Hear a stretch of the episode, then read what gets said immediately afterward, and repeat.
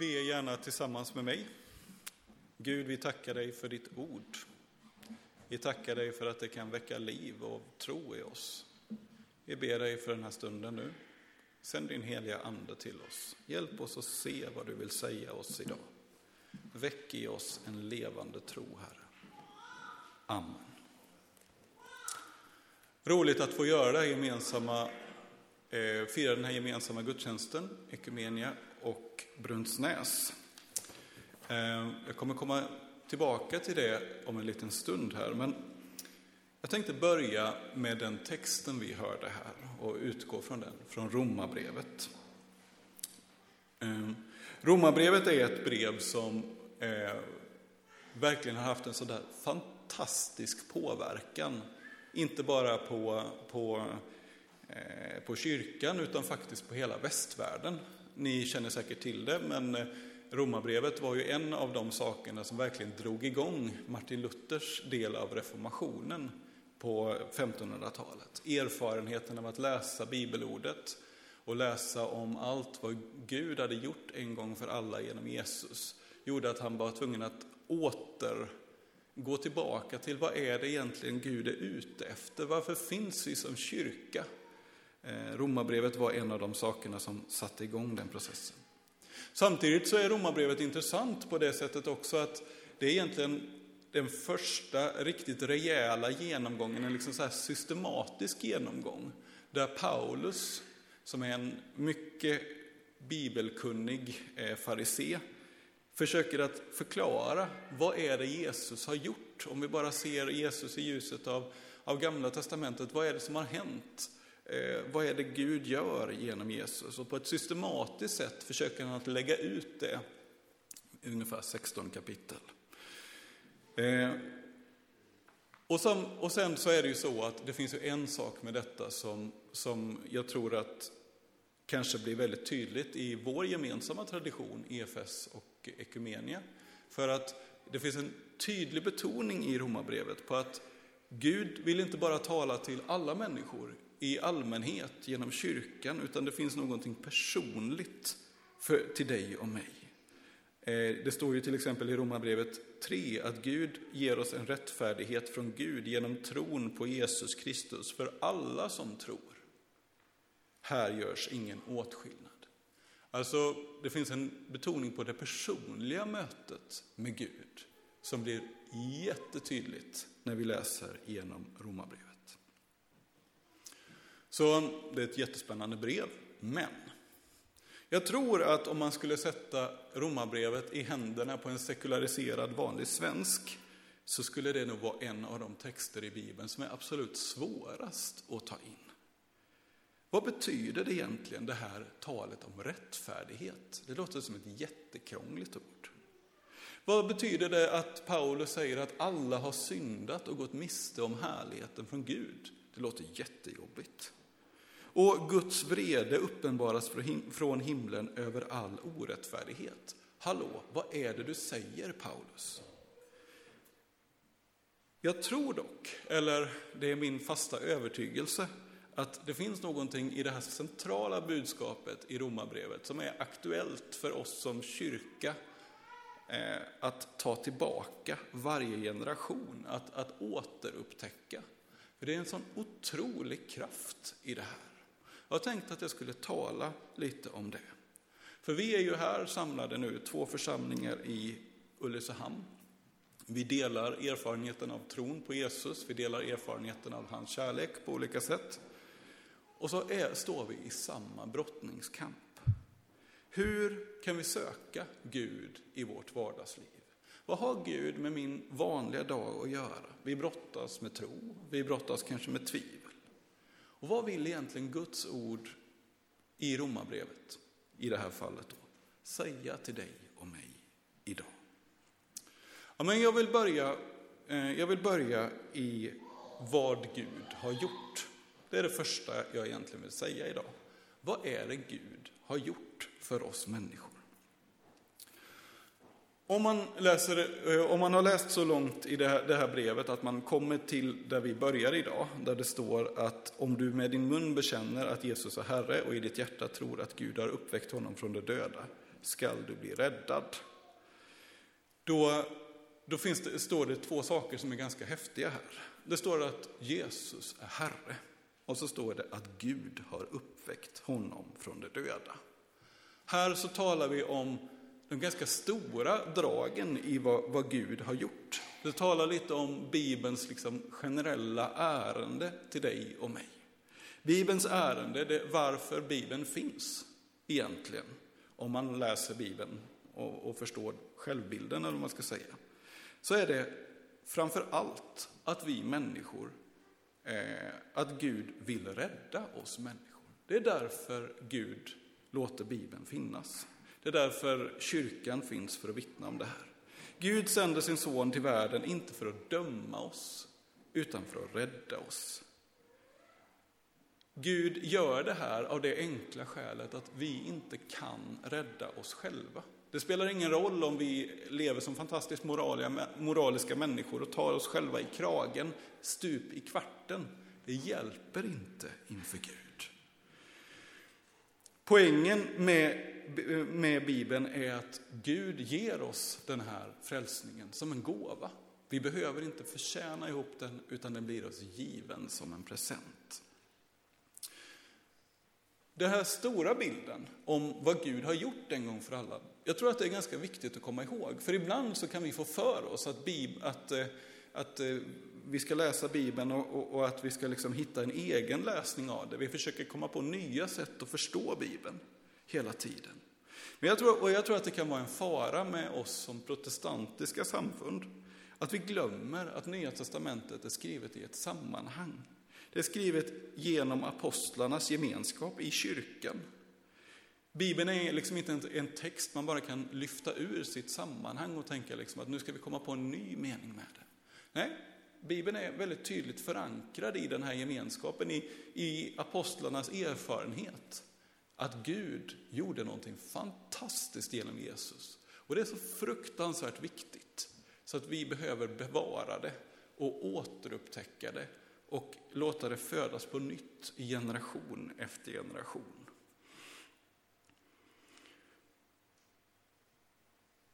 Och jag tänker mig att eh, när vi liksom använder Bibeln i våra kyrkor, när vi en vanlig söndag eller en vanlig dag läser Bibeln, så är det, så är det, av, det av det skälet att vi behöver faktiskt påminna oss, gång efter gång, vad Gud har gjort. Att Gud lämnar inte oss människor i sticket, fastän vi alla är syndare. Martin Luther sa att jag predikar varje söndag om Guds rättfärdighet, det vill säga allt det Gud har gjort genom Jesus, för att vi hinner glömma det under veckan som går. Vi behöver verkligen påminna oss om, vem är Gud? Vad är det han har gjort? För det är så sjukt lätt för oss att glömma. Och därför så är liksom Bibeln nästan tjatig. Den målar gång på gång upp Jesus och vad han har gjort. Inte för att, eh, inte för att det inte finns andra intressanta saker att göra, utan för att det här är det viktigaste Gud vill skicka med oss. All Bibeln målar upp Jesus, hans kors och hans död och uppståndelse. All den kärlek som Gud har till oss, även när vi inte förmår att ta in det, även när vi inte ens orkar tro på det, så är det fortfarande så att Guds kärlek genom Jesus Kristus är fast. Det är ingenting jag kan förhandla bort. Även de dagar jag faller i samma synd 77 gånger per minut, så är det fortfarande så att ingen kan ta ifrån mig att Guds kärlek genom Jesus gör allting för oss. Även när jag är som allra sämst, även när jag ser på mig själv att jag är ju bara en syndare, det finns ju ingenting gott i min vilja ens, så kan ingen ta ifrån oss att Guds kärlek genom Jesus är precis lika stor och lika underbar. Och en sak som vi får stå på som församlingar, vad som än händer oss i våra liv, är just det här. Vad som än händer oss i våra liv, så står vi i kraft av Guds nåd. Vi står på en klippa som ingen kan rubba. Och det låter ju fantastiskt trevligt. Gud, ingen kan rubba Guds nåds kärlek och så vidare. Det är underbart. Men om vi läser i den här texten som vi precis hörde, och nu kommer jag till det andra jag vill säga, så står det att den som med sin mun bekänner att Jesus är Herre och i sitt hjärta tror att Jesus är uppstånden från de döda skall bli räddad. Det finns alltså någon form av gensvar som Bibeln faktiskt förväntar sig av dig och mig. Av det vi kallar tro. Du och jag behöver öppna oss för det här fantastiska som Gud har gjort. Absolut, Gud har, dött, Jesus, Gud har sänt Jesus och Jesus har dött på ett kors och uppstått igen för, för oss. Gud är, Guds ord är levande och verksamt och allt det här stora som, som jag berättar om, det är absolut sant. Men tron gör att de här löftena inte bara finns i allmänhet, utan att de får landa i mitt hjärta. Tron är eh, landningsbanan för Guds löfte i mitt liv.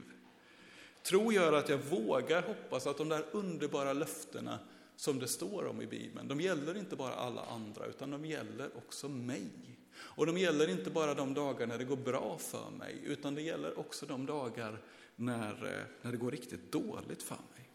Tro är alltså någonting som är hemskt mycket mer än en god, varm religiös känsla. Inget fel på goda, varma religiösa känslor, men det är mycket mer än så med tro. Och om inte tron finns hos oss, så är det väl fantastiskt allt det här Jesus har gjort, men vi behöver det här för att kunna våga öppna oss, för att våga gå till festen som Gud har dukat upp för hela världen. I vår tid så pratar vi ofta om debatter. Jag vet inte om ni följer med i det, men att, att man kan debattera ganska många olika saker. Vi har debatterat NATO och jag tycker att den här NATO-debatten, behöver inte prata mer om den så, men den har, jag kan tycka att den har pågått länge. Man har läst lite olika saker fram och tillbaka och så.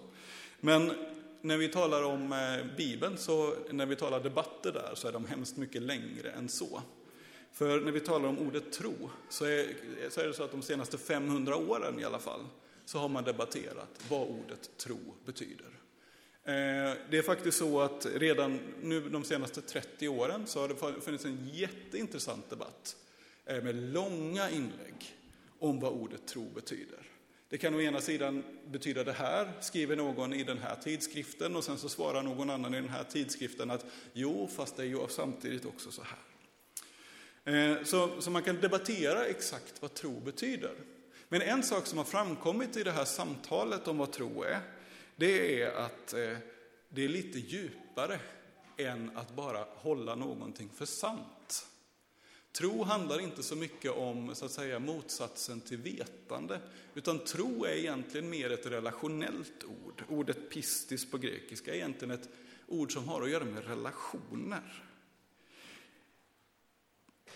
Om vi tänker oss en kung, eh, ni vet i, i Nya Testamentets tid i, i Medelhavsområdet så fanns det ju en kejsare.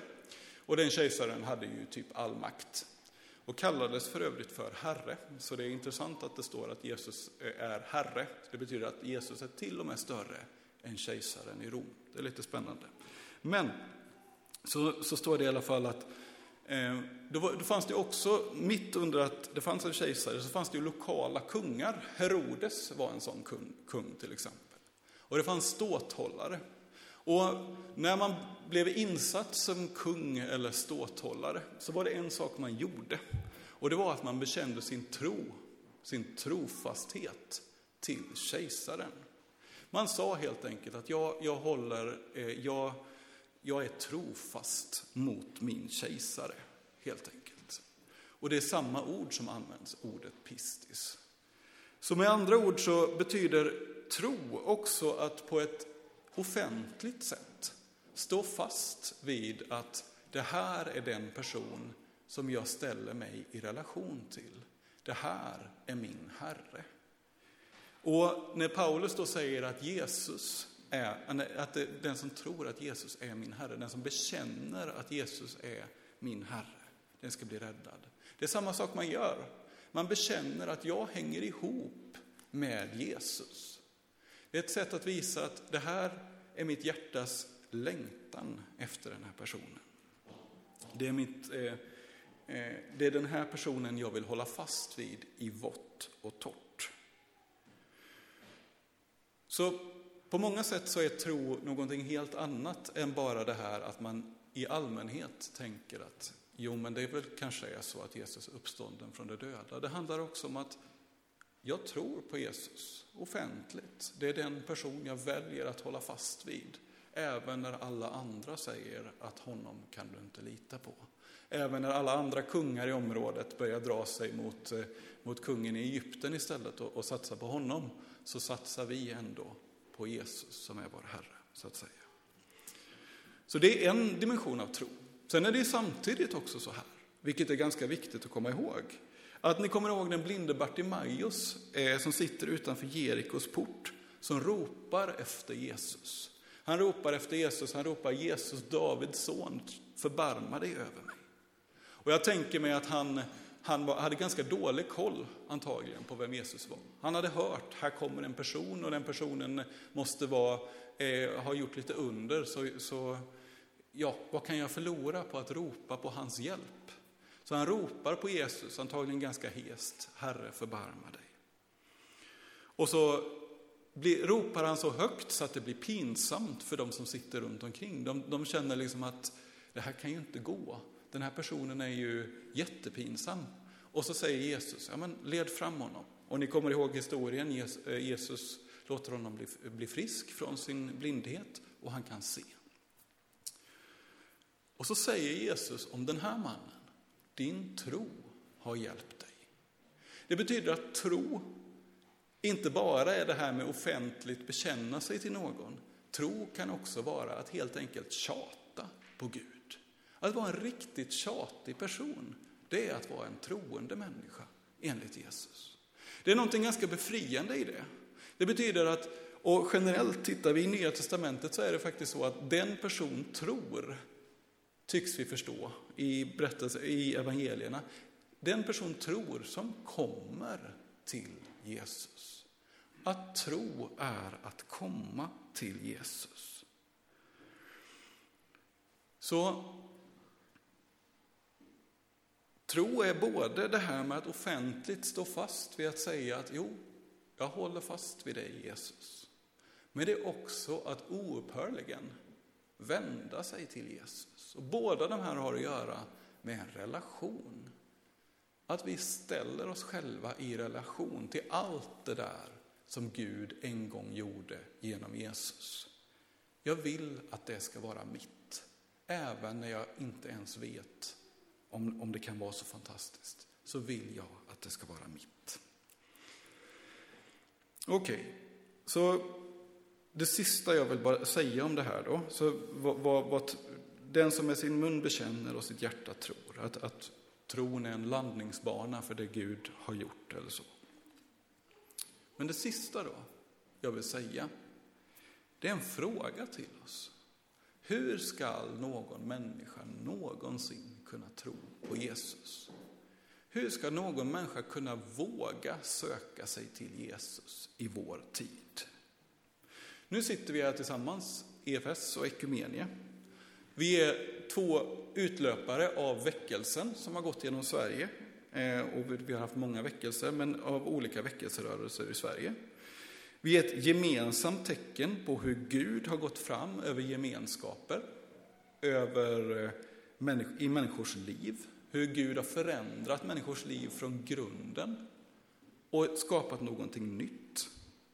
Vi är frukten faktiskt av att människor i våra liv, vi sitter här av det skälet att människor i våra liv, vid några tillfällen, vid tillräckligt viktiga tillfällen, har berättat har förkunnat om Jesus. Att Jesus är någon som går att lita på. Och de har förkunnat på ett sådant sätt, inte bara med sina, sina ord, utan också med sina handlingar. Att Jesus är någon som faktiskt är värd att satsa på. Det stämmer ganska väl överens med det vi hörde i, i läsas här. Tro kommer av predikan, som kommer av Kristi ord. Någon förkunnar och det gör att vi kan tro. De första kyrkan, de såg hur, i den såg apostlarna Jesus. De iakttog Jesus och deras hjärtan brann när de såg vad Jesus gjorde. Eh, och det, de började förkunna så att kyrkan skapade nya vittnesgemenskaper över hela världen. Jesus sänder ut apostlar med vittnesbördet att berätta vad ni har sett om mig. Och jag tror att det faktiskt är så för oss som kyrkor, att vi har ett ansvar. När vi iakttar vad Gud gör, när vi iakttar vad Gud gjorde en gång genom sina mäktiga gärningar när han uppväckte Jesus från de döda och försonade all världens synd. När vi iakttar vad Gud gör i vår gemenskap, så har vi ett ansvar att dela det vidare. Vi sitter här för att någon vågade berätta att Jesus är Herre. Jesus är uppstånden från de döda. Och Det ställer naturligtvis en del lite tuffa frågor till oss. Hur kan vi dela med oss av erfarenheten av vad Gud gör i våra sammanhang, i vårt liv? Hur kan min församling vara en levande plats där erfarenheten av Jesus, vem han är och vad han gör, kan delas vidare? De frågorna har, kyrkan ställt sig under 2000 år. Vi har haft lite olika strategier, men vi har gjort det under 2000 år. Och därför är vi här. Nu är det så att så fort vi börjar tala om de här sakerna så tror jag att vi generellt kan bli lite stressade. Vi tänker så här, vi borde, vi måste. Och allting som är vi borde och vi måste, det, det vänder vi oss mot. Och jag tror inte att lösningen på problemet, återigen, så har aldrig lösningen på problem varit att ta sig i kragen. För är det någonting vi, Bibeln lär oss är det att ta sig i kragen egentligen inte förändra någonting. Det är Gud som måste göra någonting. Tro kommer av Jesus och av hans ord, inte av att man tar sig i kragen. Det står ingenstans att ta sig i kragen gör någon skillnad faktiskt. Vår uppgift som kyrka och det här är en märklig paradox och det är den jag vill sluta i. Ju mer vi tittar på Jesus och vad han har gjort en gång för alla, ju mer fasta vi är i kärleken till vad han har gjort, ju mer vi påminner oss och varandra och oss själva om det, desto mer längtar vi efter att dela det vidare. Ju mer fasta i det objektiva vi är, desto mer subjektiva kan man bli skulle man kunna säga. Och jag tänker att vi får sluta där vi började. Vi får sluta i allt det där som Jesus har gjort för oss. Hur han har betjänat oss, hur Gud inte bara är judarnas Gud, utan alla människors Gud. Hur alla som åkallar Herrens namn ska bli frälst. Och vi som kyrka, vi får börja och sluta i vem Jesus är och vad han har gjort. För det räcker för dig och mig. Det är nog för dig och mig. Det är faktiskt allt vi har att komma med. Vi ber. Gud, vi tackar dig för vad du har gjort. Hjälp oss att se det. Öppna vårt inre öga för vem du är och vad du gör och en gång för alla har gjort. Amen.